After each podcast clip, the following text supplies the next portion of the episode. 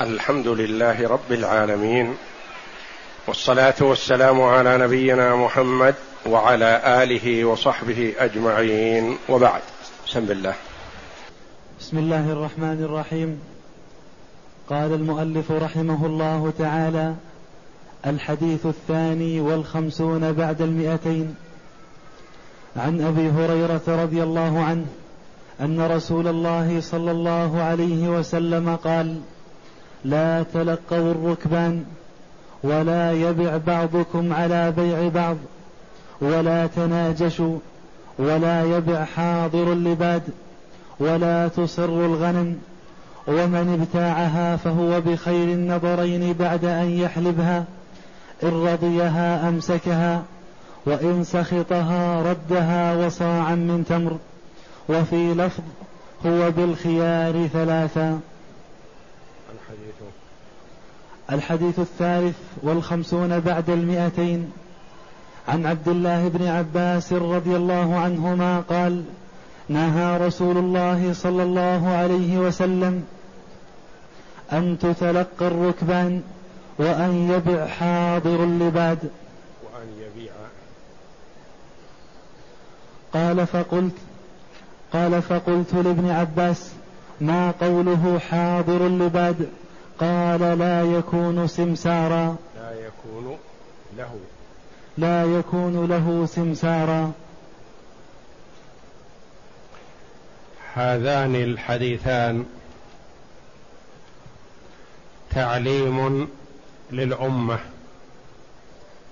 وتنبيه على صور من صور البيع لا يحل للمسلم أن يقع فيها لما فيها من الغرر أو الضرر على البائع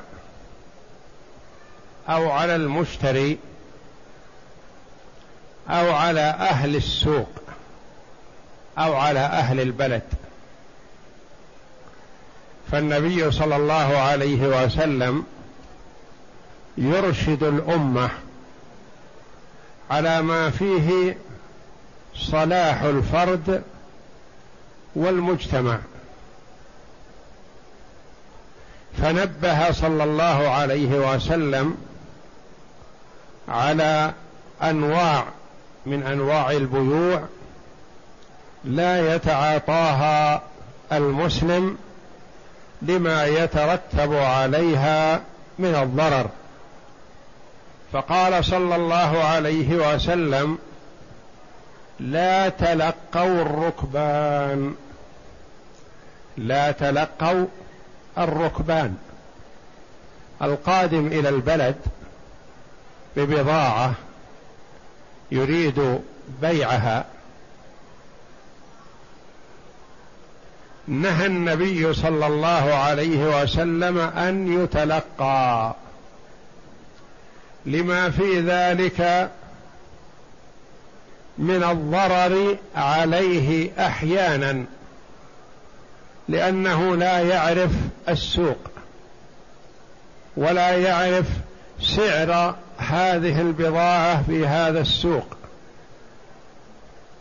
فإذا تلقاه متلق وسام منه ربما يسوم بنصف القيمة فيبيع عليه. يظن أن هذا هو السعر المعتاد.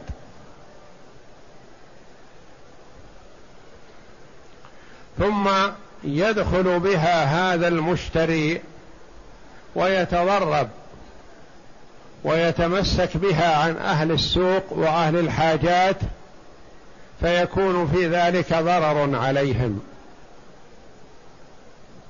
ويتحكم بالبضائع أناس محدودون عندهم القدرة على التلقي والذهاب فيتضرر البائع ويتضرر أهل السوق ويكون الربح لفرد واحد فقط.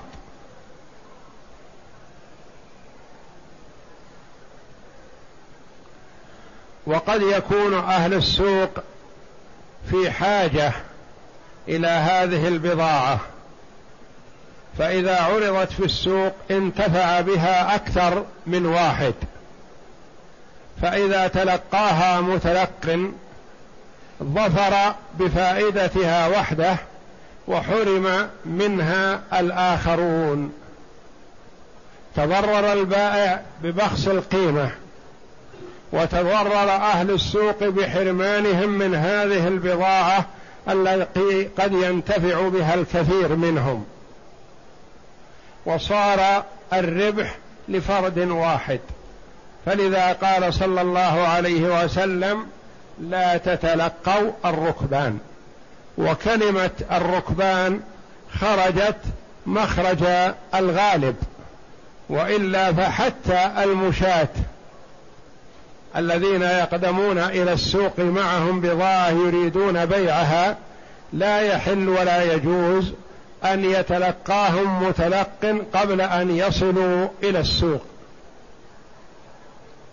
ولا يبع بعضكم على بيع بعض لما في هذا من الضرر. وصفة ذلك مثلا أن يشتري المرء السلعة بعشرة مثلا.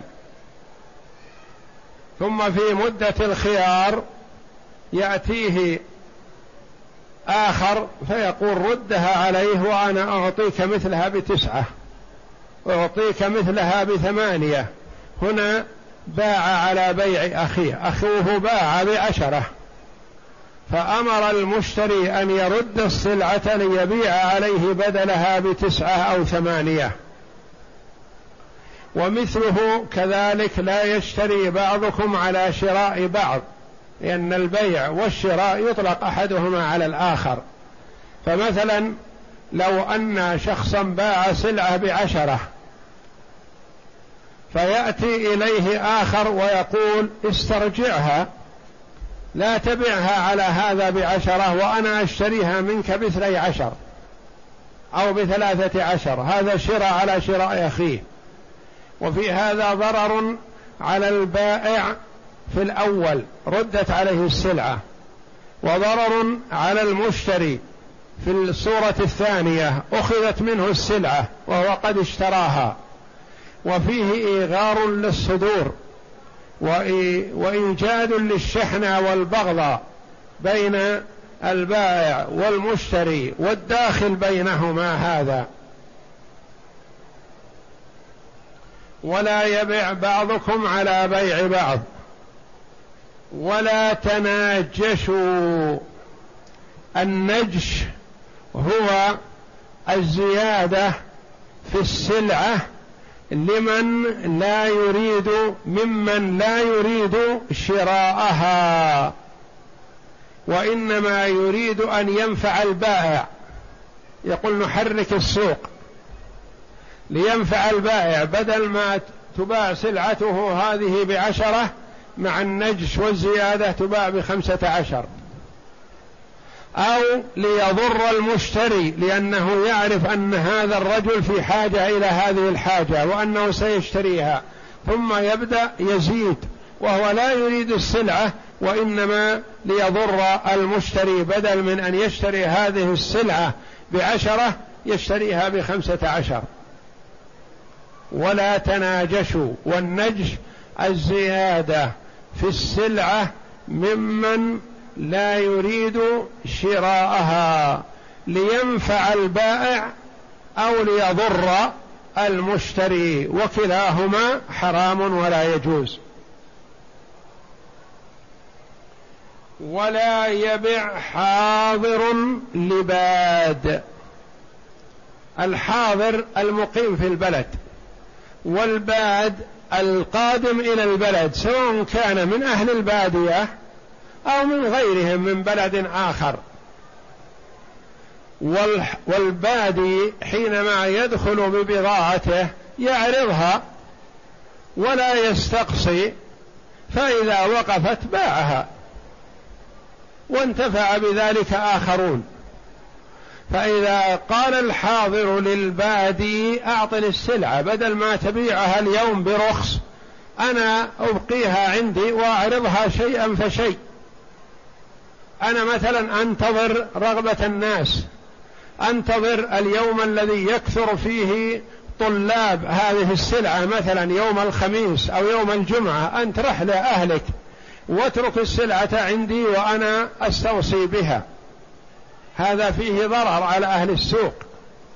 والنبي صلى الله عليه وسلم قال دعوا الناس يرزق الله بعضهم من بعض.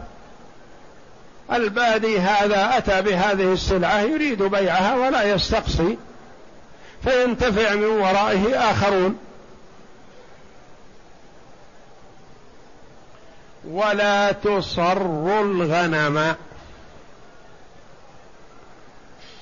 كان بعضهم إذا أراد أن يبيع الغنمة من شاة أو معز أو يبيع البقرة أو يبيع الناقة الحلوب ترك اللبن في ضرعها يوما أو يومين ما حلبها ثم أدخلها السوق فتكون يكون ضرعها مغري. يلمسه المشتري فيظن أن هذا من در اليوم. فيزيد في السلع في الشراء في القيمة طمعا في اللبن هذا. فإذا به بعدما يشتريها إذا هذا اللبن مجتمع نصيب ثلاثة أيام أو يومين. فيكون في هذا غرر عليه وضرر فنهى النبي صلى الله عليه وسلم عن ذلك لما يترتب عليه من الضرر. وعلى البائع أن يكون على عادته حسب حلبها إن كان يحلبها في الليل أو يحلبها في الصباح أو يحلبها ظهرا يستمر على ما كان عليه ويخبر بأنه قد حلبها مثلا صباحا أو حلبها منتصف الليل أو حلبها بعد المغرب من ليلة البارحة ونحو ذلك مثلا حتى لا يكون فيه غرر ولا ضرر على المشتري لهذه الحلوب. والصر وإن لم يحصل ربط وإنما يترك الحليب فيها يجتمع حتى يكون في هذا تشويق لمن أراد الشراء فيدفع قيمة أكثر. ومن ابتاعها يعني المصرات من ابتاعها فهو بخير النظرين. فله الخيار بين النظرين إمضاء البيع أو رد البهيمة. ومن ابتاعها فوجدها مصرات فهو بخير النظرين بعد أن يحلبها. إذا حلبها أول مرة لا شك أنه يكون الحليب كثير. ثم يحلبها الحلبة الثانية يكون أقل.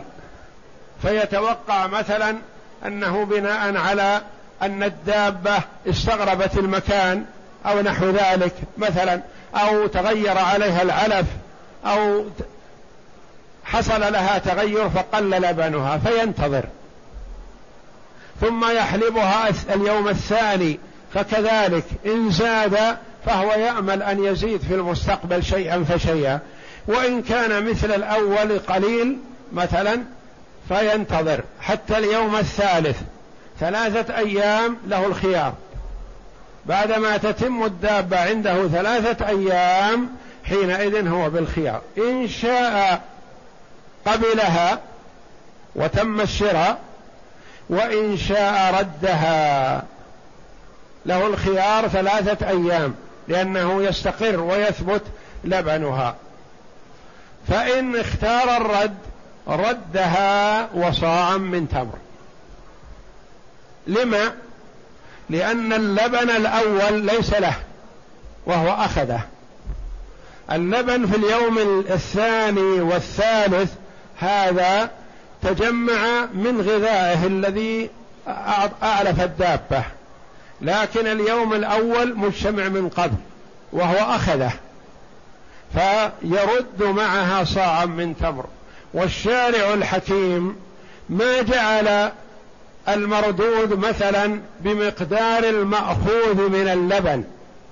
إن قليل فقليل وإن كثير فكثير. قال لا صاعا من تمر حتى يقطع النزاع.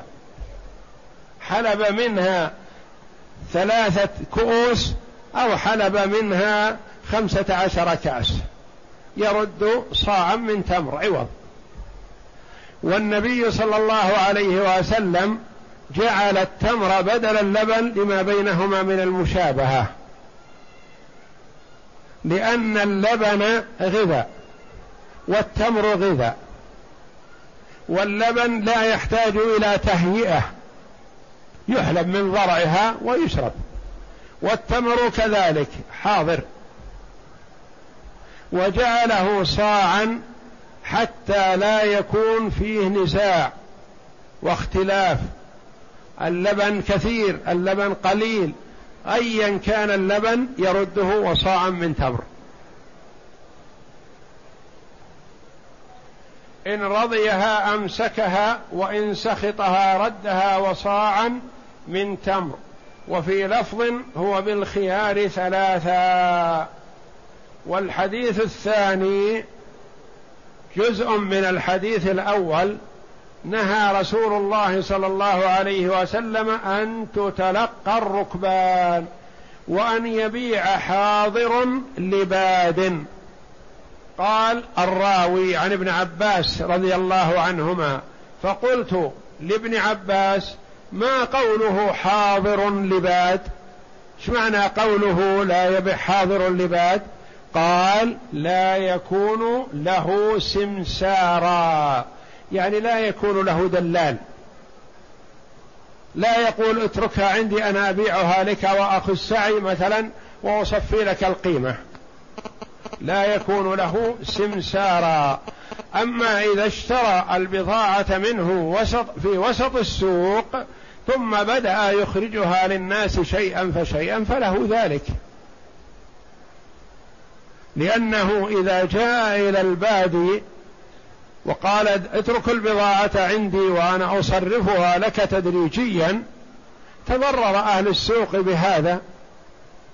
فالنبي صلى الله عليه وسلم أراد أن لا يتضرر أحد لا من البائع ولا من المشتري ولا من أهل السوق.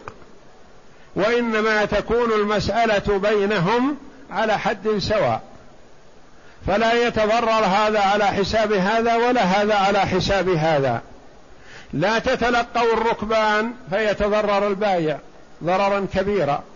فإذا دخل السوق ووجداه أنه باع البضاعة برخص وبأقل من قيمتها كثير فله الخيار. يقول تعال يا أخي أنا بعت عليك بمئة.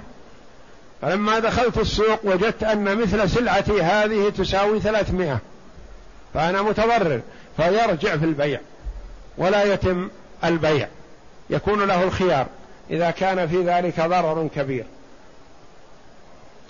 فإذا دخل السوق وتنور وعرف الأسعار لا يستقصي فيعصر الناس فيعصرون المستهلك.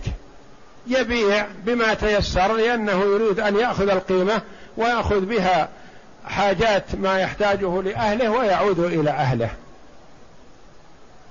فدعوا الناس كما قال عليه الصلاة والسلام دعوا الناس يرزق الله بعضهم من بعض.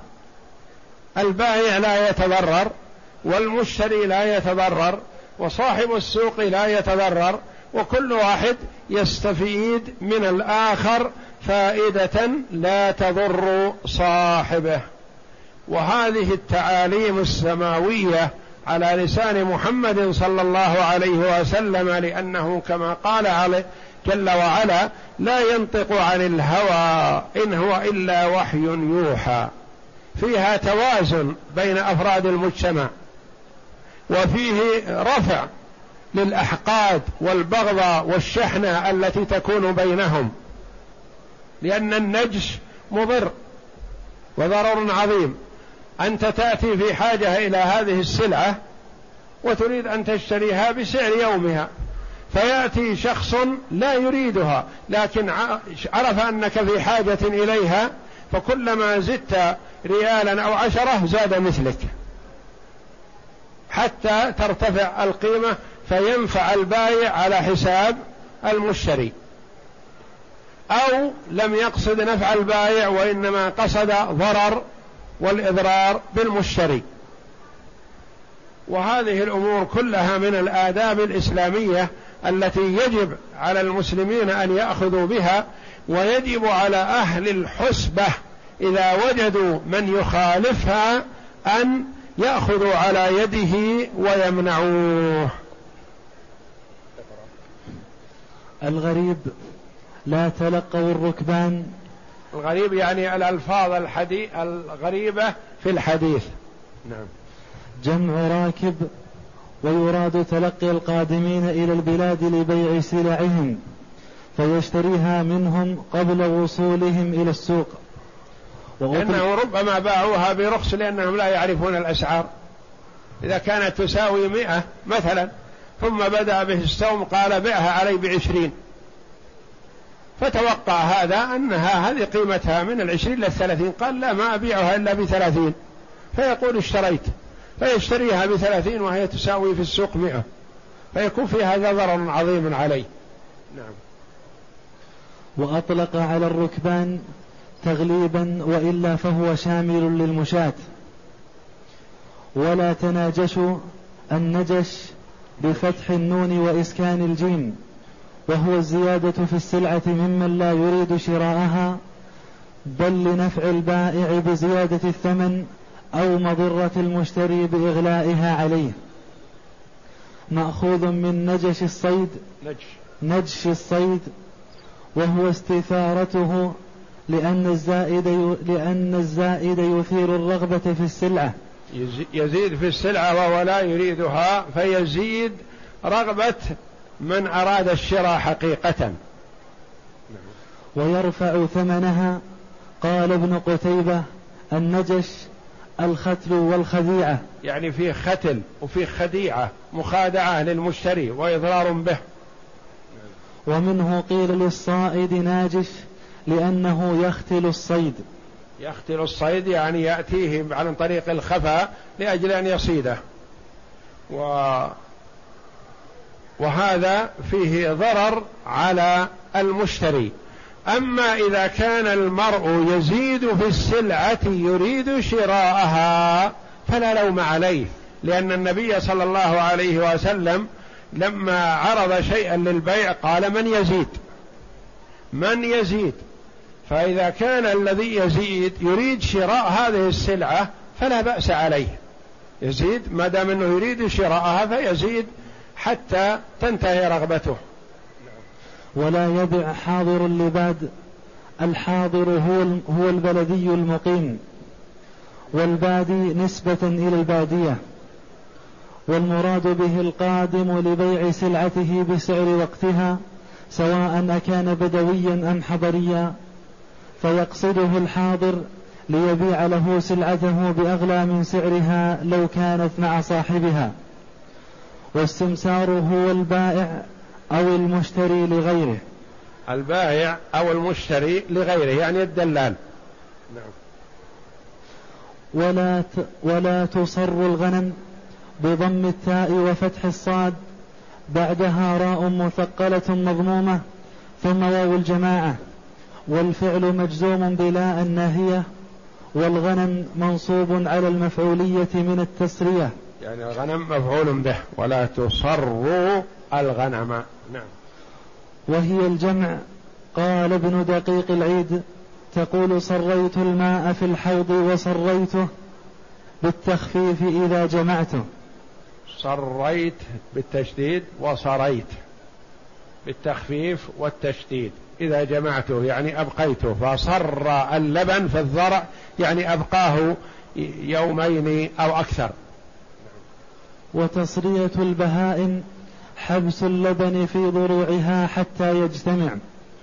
والمنهي عنه إذا قصد به تغرير المشتري بكثرة لبنها. إذا قصد تغرير المشتري. أما إذا صر اللبن في بهيمة له يريد أن يجتمع اللبن في ضرعها حتى يحلبه جميع ولا ضرر عليها هي الدابة في هذا فلا بأس بذلك لأن النهي عن هذا عند إرادة البيع للتغرير بالمشتري.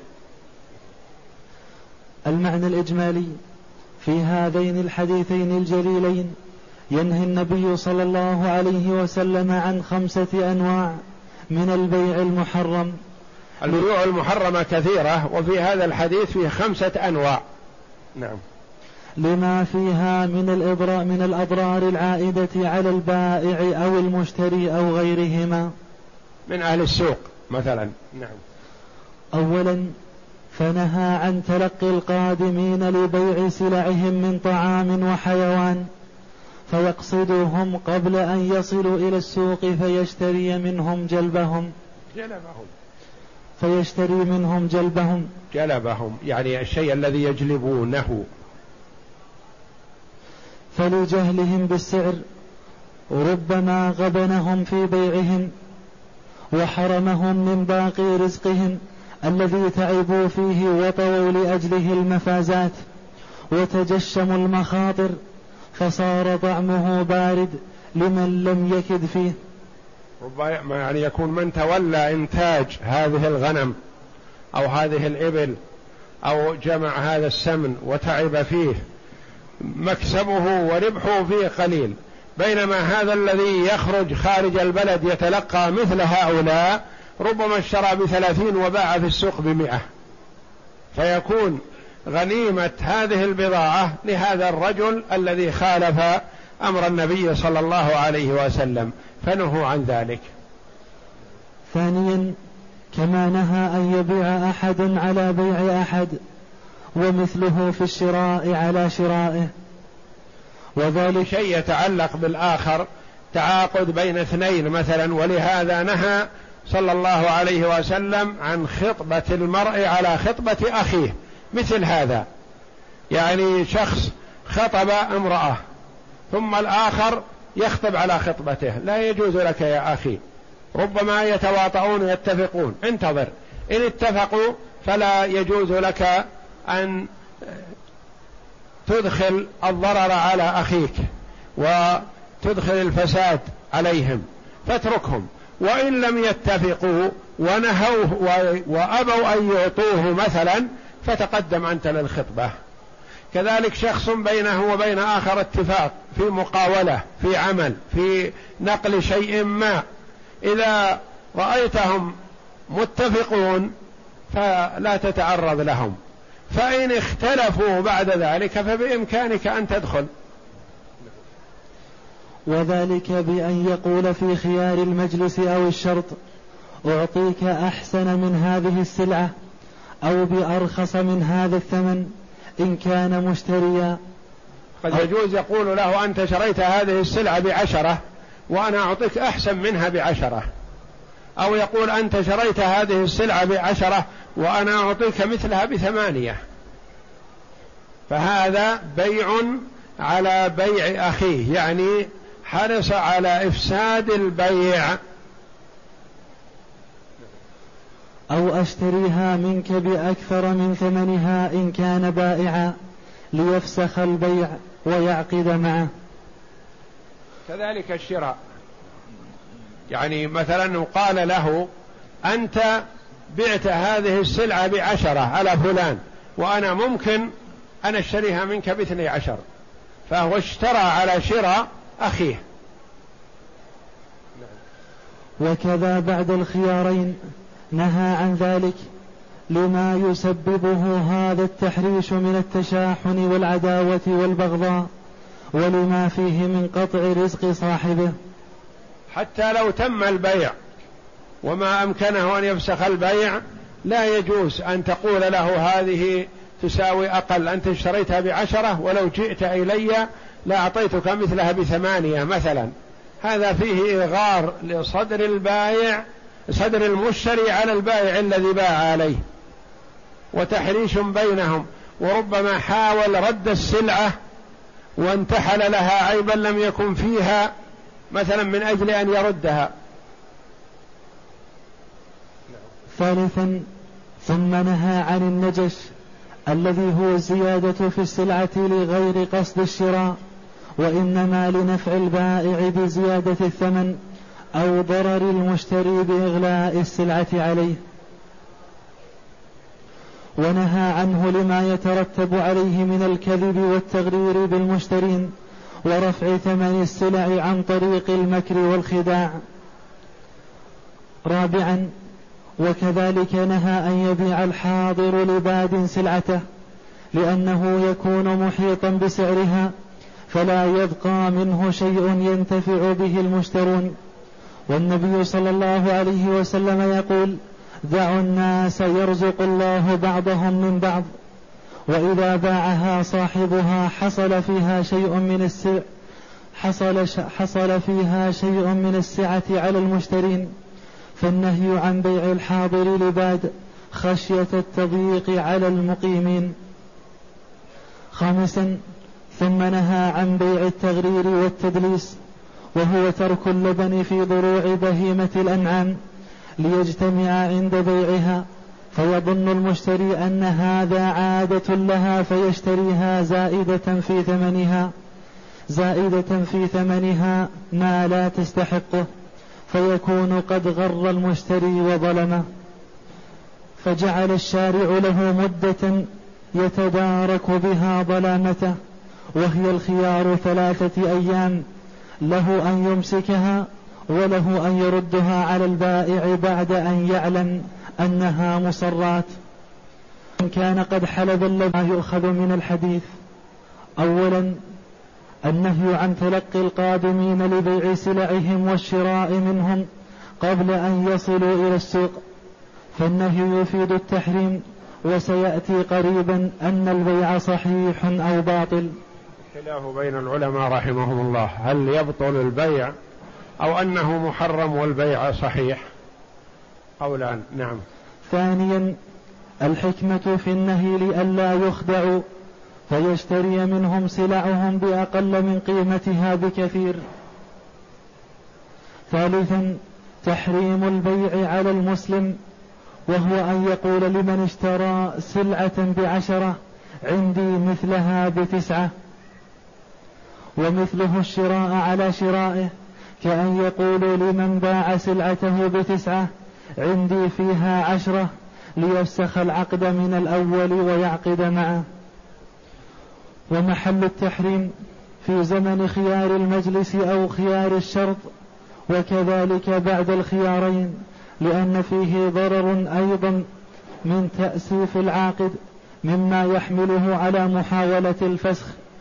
بامتحال بعض الأعذار أو ضغانة على البائع أو المشتري منه وغير ذلك من المفاسد. ومثل المسلم في ذلك. ومثل المسلم في ذلك الذمي.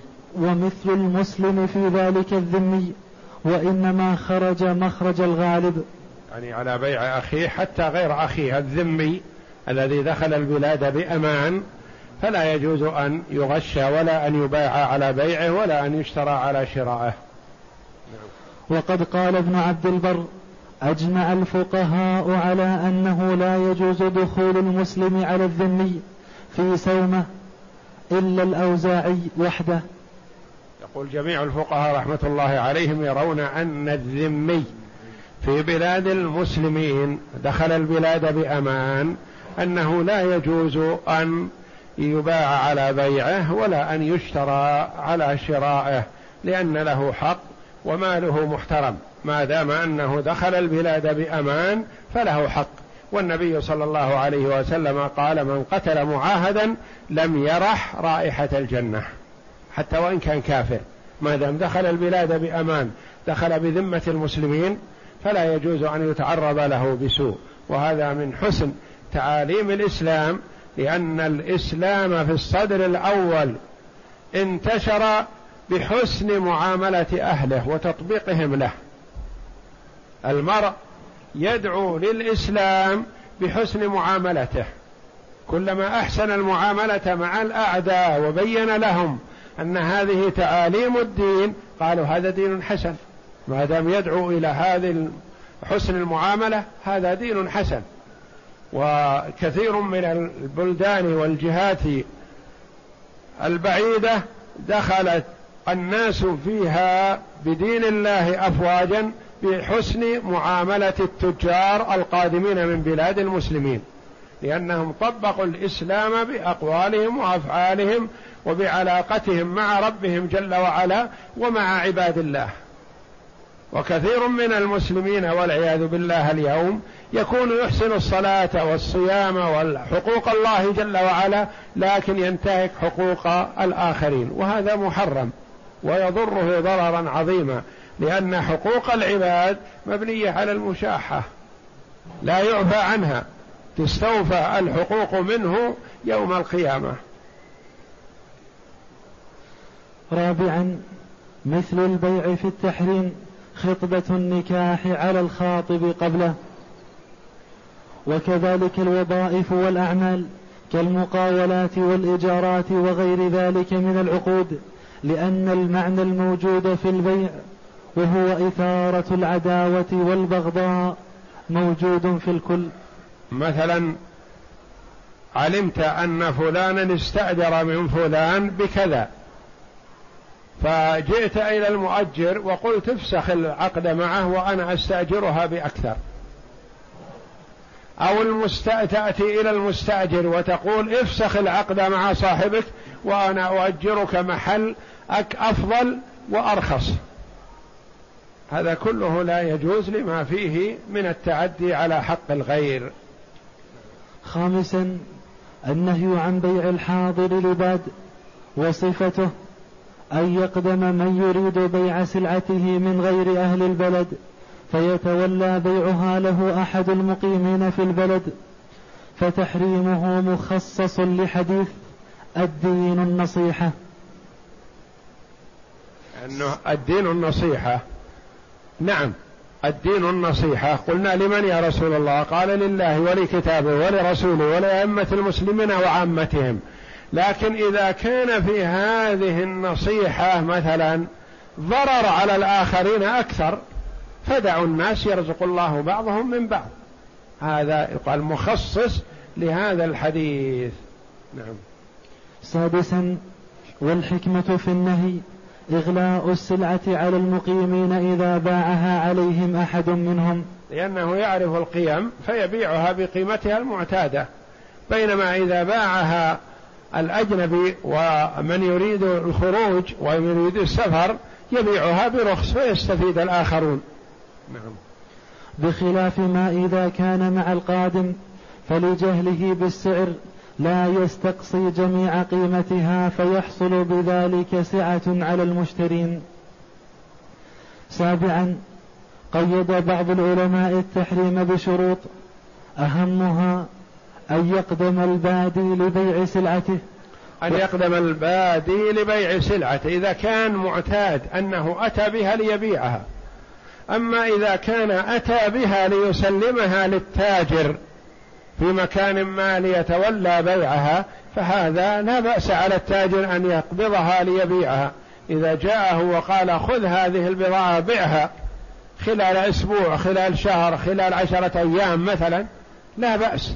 لكن المحرم على صاحب المحل أن يقول للبادي اترك سلعتك هذه عندي أنا أتولى بيعها شيئا فشيئا. أما إذا كان صاحب السلعة هو الذي قصد صاحب المحل وقال هذه أنا أفوضك في بيعها فلا بأس بذلك. نعم. وأن يكون جاهلا بسعر البلد وأن يكون بالناس حاجة إليها. ثامنا النهي عن تصرية اللبن في ضروع بهيمة الأنعام عند البيع. تاسعا تحريم ذلك لما فيه من التدليس والتغرير بالمشتري فهو من الكذب وأكل أموال الناس بالباطل. وإن كان قد سرها لحاجة أو لغير قصد أو لغير قصد البيع فذلك جائز على ألا يضر بالحيوان. وإلا فحرام. عاشرا أن البيع صحيح لقوله إن رضيها إن رضيها أمسكها ولكن له الخيار بين الإمساك والرد إذا علم بالتصرية دلت هذه العبارة على صحة البيع على أن المشتري بالخيار. إذا لاحظ أنها تناسبه ولو أنها مسرات فرضيها أمسكها دل على صحة البيع أن البيع صحيح وإذا لم يرضى بهذا فله حق إرجاعها سواء أعلمه قبل الحلب أم بالحلب. الحادي عشر أن خياره يمتد ثلاثة أيام منذ علم التسرية الثاني عشر يفيد هذا الحديث. أن كل بيع يقع فيه التدليس فهو محرم وأن المدلس عليه بالخيار. الثالث عشر إذا علم التسرية وردها بعد حلبها رد معها صاعا من من تمر بدلا من اللبن سواء كانت المصرات من الغنم أو الإبل أو البقر قل اللبن أو كثر. وتقديره من الشارع بمقدار من التمر لا يزيد ولا ينقص. روعي فيه قطع الخصام والنزاع. لو ترك تقديرا تقدير ذلك إليهما. بادعاء زيادة اللبن أو نقصه أو اختلاطه باللبن الحادث في الضرع. وتقدير ذلك بالتمر أفضل لأن كل من التمر والحليب قوت ذلك الزمان. ولأن كليهما مكيل وهذا التمر مقابل اللبن الذي اشتريت وهو في ضرعها. الذي اشتريت وهو في ضرعها. وهو مقابل اللبن الذي اشتريت وهو في ضرعها. أما الحادث بعد فلا يرد عنه شيئا لأن الخراج بالضمان. يعني حلبها ثلاثة أيام الحليب في اليومين الأخيرين لا يرد عنه شيئا لأنه مقابل العلف الذي أعلفها ولأنها لو تلفت في هذه الفترة لكانت من ضمانه. فالخراج بالضمان يعني الفائدة التي تحصل من هذه البهيمة تابعة لضمانها لو تلفت. بخلاف الحلبة الأولى فهي كانت متجمعة من علف البايع الأول. الرابع عشر النهي عن النجش النجش وهو زيادة من لا يريد شراء السلعة في ثمنها وذلك لنفع البائع أو الإضرار بالمشتري. وربما قصد الإضرار بكليهما وهو محرم لأن النهي يقتضي التحريم.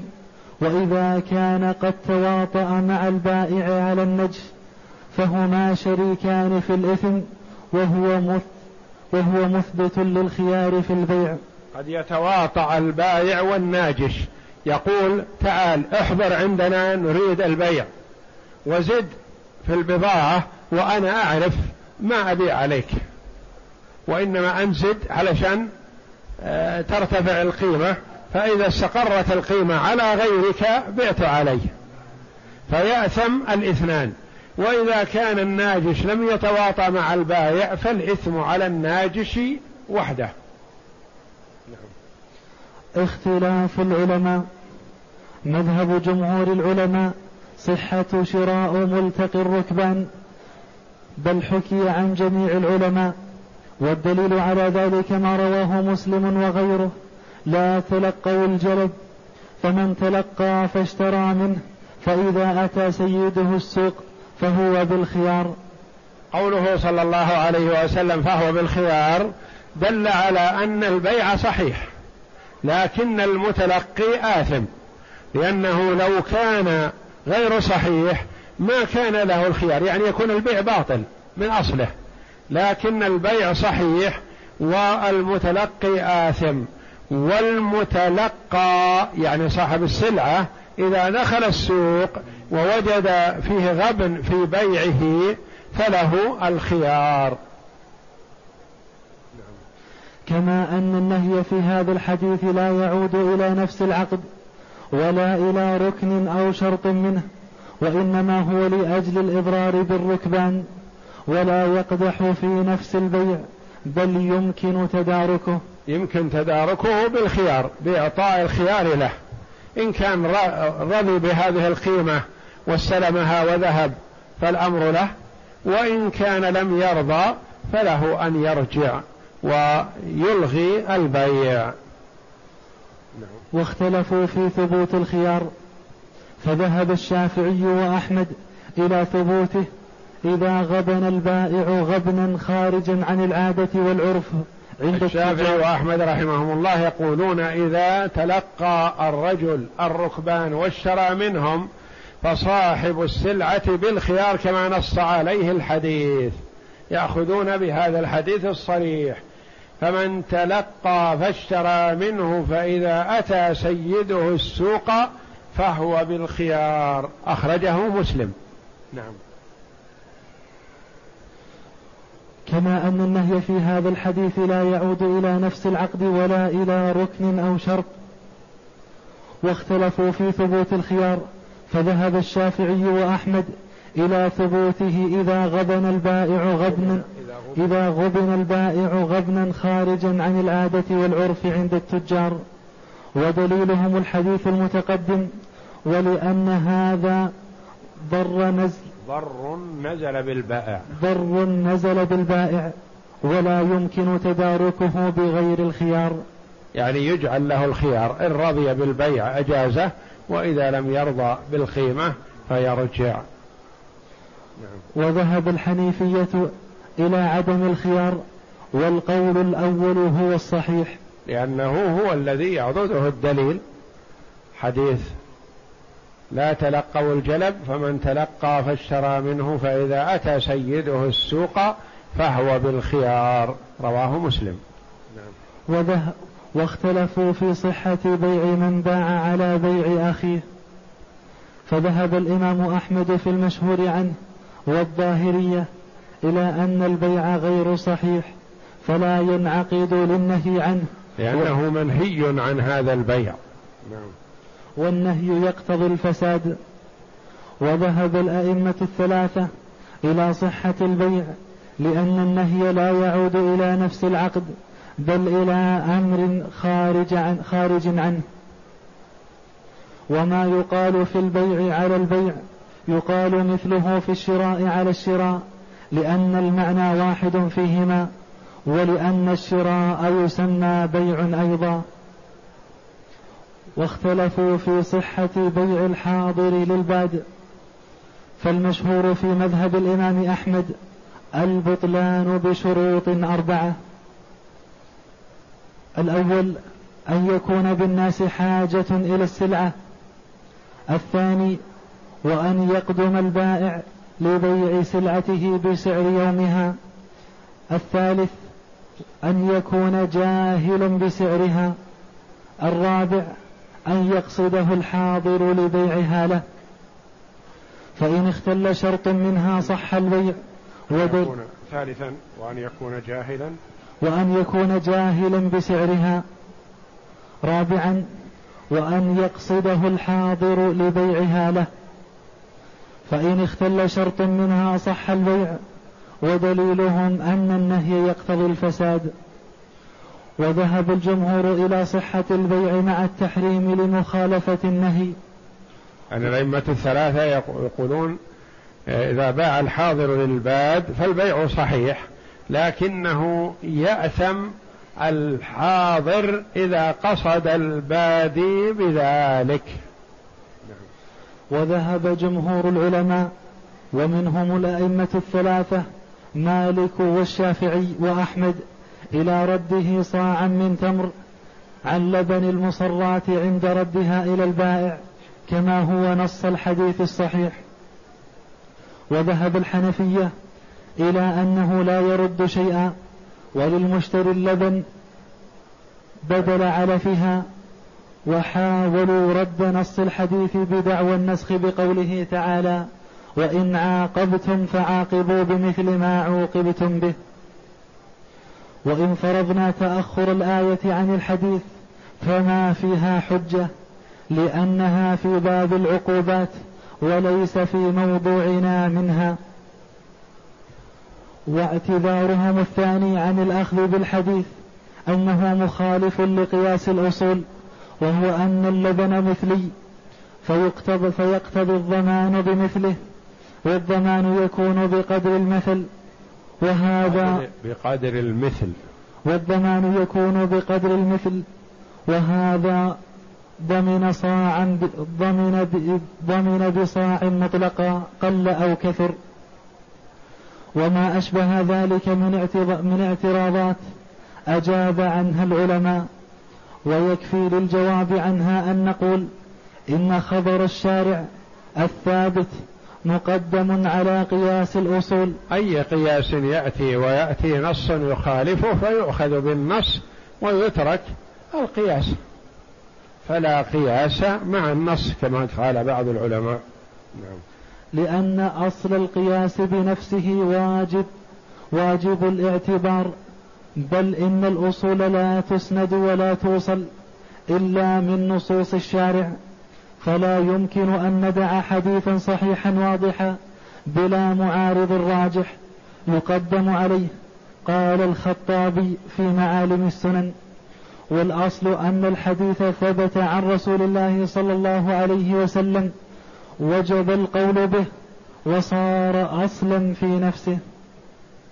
والأصول إنما صارت أصولا لمجيء الشريعة بها وخبر المصرات قد جاء به الشرع من طرق جياد فالقول به واجب وليس تركه لسائر الأصول بأولى من تركها له.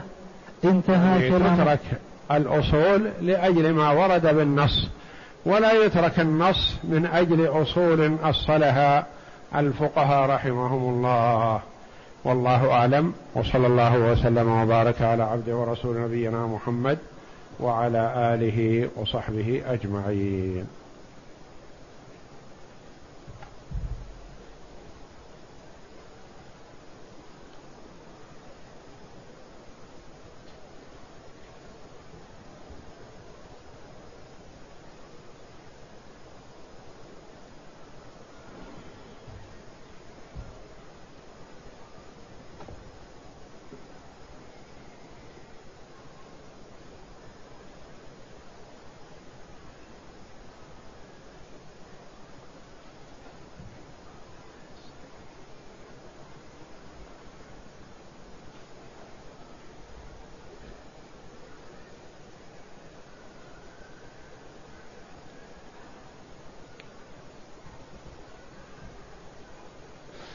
يقول السائل من صور البيع التي انتشرت في هذا العصر ما يسمى بالإيجار المنتهي بالتمليك فما حكمه؟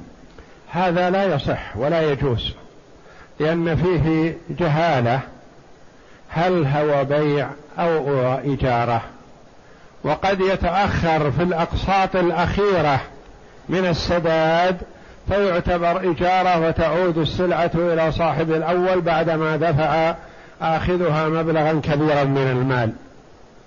ففي هذا ضرر وإنما ممكن أن تعرض في أول الأمر. إن أردتها أجرة بكذا وإن أردتها قيمة بكذا فلا يفترقان حتى يتفقان على الإجارة أو على البيع. أما الإجارة المنتهية بالتمليك فهذه منع منها العلماء رحمهم الله.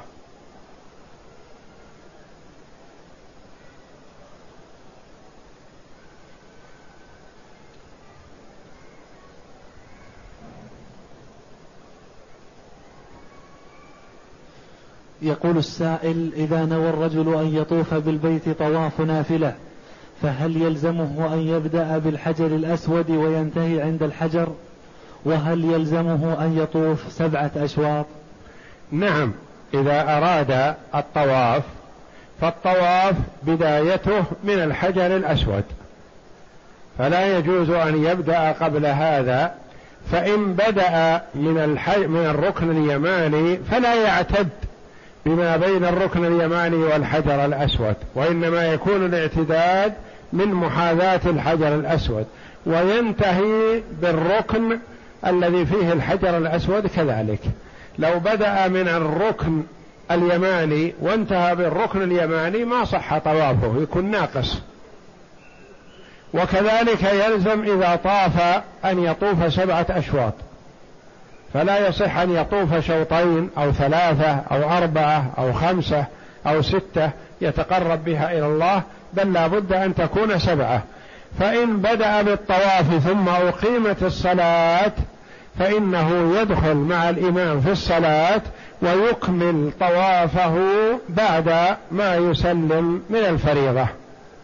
والأولى له خروجا من الخلاف أنه إذا قطع الشوط قبل نهايته لا يعتد بهذا الشوط الأخير فقط. فمثلا بدأ من الحجر الأسود وطاف ثلاثة أشواط ثم أقيمت الصلاة وهو في الشوط الرابع بمحاذاة الحجر أو بمحاذاة الركن الشامي أو بمحاذاة الركن اليماني ثم قطعه ودخل في الصلاة. نقول هذا الشوط الأخير الذي لم تتمه لا تحتسبه ولا تبدأ بال بالاستئناف استئناف الطواف من عنده وإنما ابدأ من الركن الذي فيه الحجر الأسود وأكمل ما أك بدأته أولا. طفت مثلا ثلاثة ونصف ثم دخلت في الصلاة نقول هذا النصف لا تعتبره. وأكمل الباقي عليك من الحجر الأسود. وهكذا.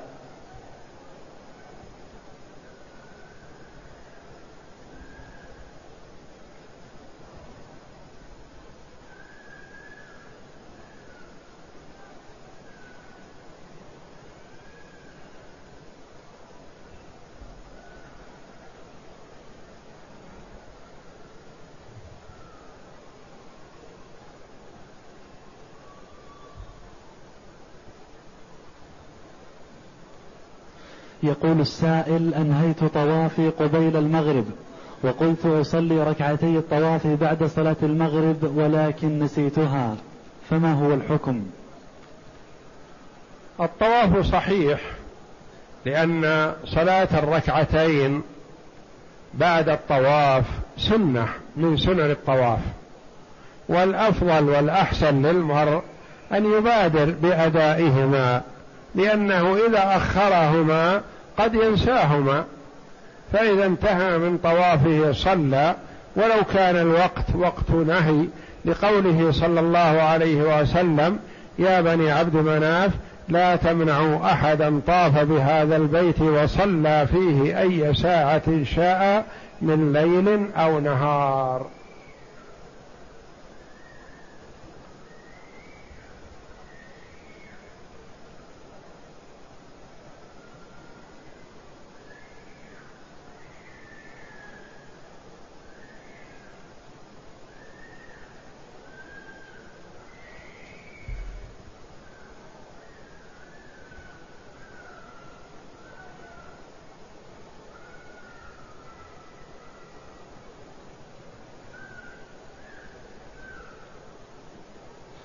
يقول السائل هل يجوز لمن أراد أن يوصي بثلث أو أوقف منزلا على ذريته أن يخص الأبناء عقبا عن عقب والبنات في مدة حياته فقط؟ لا يجوز للموصي أن يخص الأبناء وذريتهم دون البنات أو يجعل للبنات مدة حياتهن دون أولادهن وإنما كما أن لهن نصيب في الميراث فلهن نصيب في الوصية. فهو لو ترك بدون وصية لاستفدنا منه هن وأولادهن. فإذا جعل وصية للبنات مدة حياتهن وللأبناء باستمرار وأولادهم فهذا فيه ضرر وإجحاف عليهن والنبي صلى الله عليه وسلم يقول اتقوا الله واعدلوا بين أولادكم. الوقف ممكن أن يخص أحدا دون أحد لميزة. مثلا يقول لطلبة العلم يستفيد منه أولادي من بنين وبنات إذا كانوا طلبة علم إذا حفظوا كتاب الله إذا أو مثلا بصفة أخرى مثلا يقول المريض منهم أو المعاق منهم أو نحو ذلك. إذا كان الصفة تميز واحد عن الآخر فلا بأس أن يخصص ذلك. أما أن يجعل للأولاد دون البنات أو للأولاد وأولادهم والبنات لهن وحدهن دون أولادهن فهذا لا يجوز. والتخصيص بصفة من الصفات جائز وارد لأن النبي لأن الزبير بن العوام رضي الله عنه جعل للمردودة من بناته نصيب في صدقته يعني دون المستغنية بزوج المردودة المطلقة تستفيد مثلا من وقف أبيها مثلا وهكذا. وأبو بكر رضي الله عنه أعطى أم المؤمنين عائشة رضي الله عنها جذاذ عشرين وسقا في حال حياته. فلما مرض قبل أن تستلمه قال يا بني كنت نحلتك كذا وإنما هو المال الآن مال وارث فاقتسموه على كتاب الله.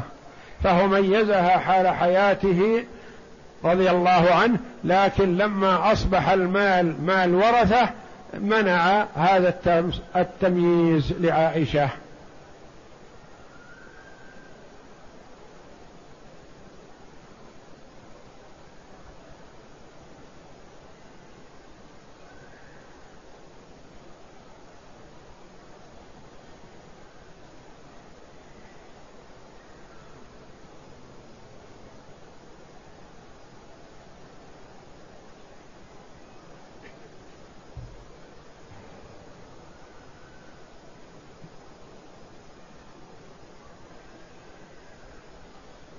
يقول السائل ما معنى قول الرسول صلى الله عليه وسلم لا ضرر ولا ضرار يعني الضرر مرفوع منهي عنه. لا يضار أحد الآخر ولا يتحمل الضرر من أجل مصلحة الآخر.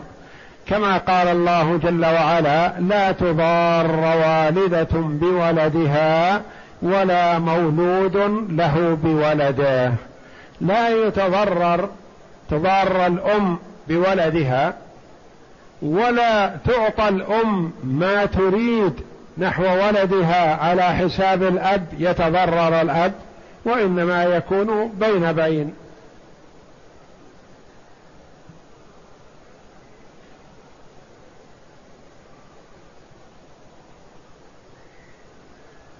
يسأل عن حكم الذهاب إلى جبل الرحمة. إذا كان هذا الذهاب على سبيل التعبد فلا يجوز لأنه لا يذهب إليه إلا في يوم عرفة. ونعرف أن هذا الاسم حادث ما كان مسمى في عهد النبي صلى الله عليه وسلم بهذا الاسم.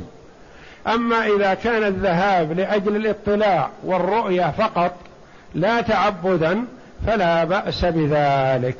والله أعلم. وصلى الله وسلم وبارك على عبده ورسول نبينا محمد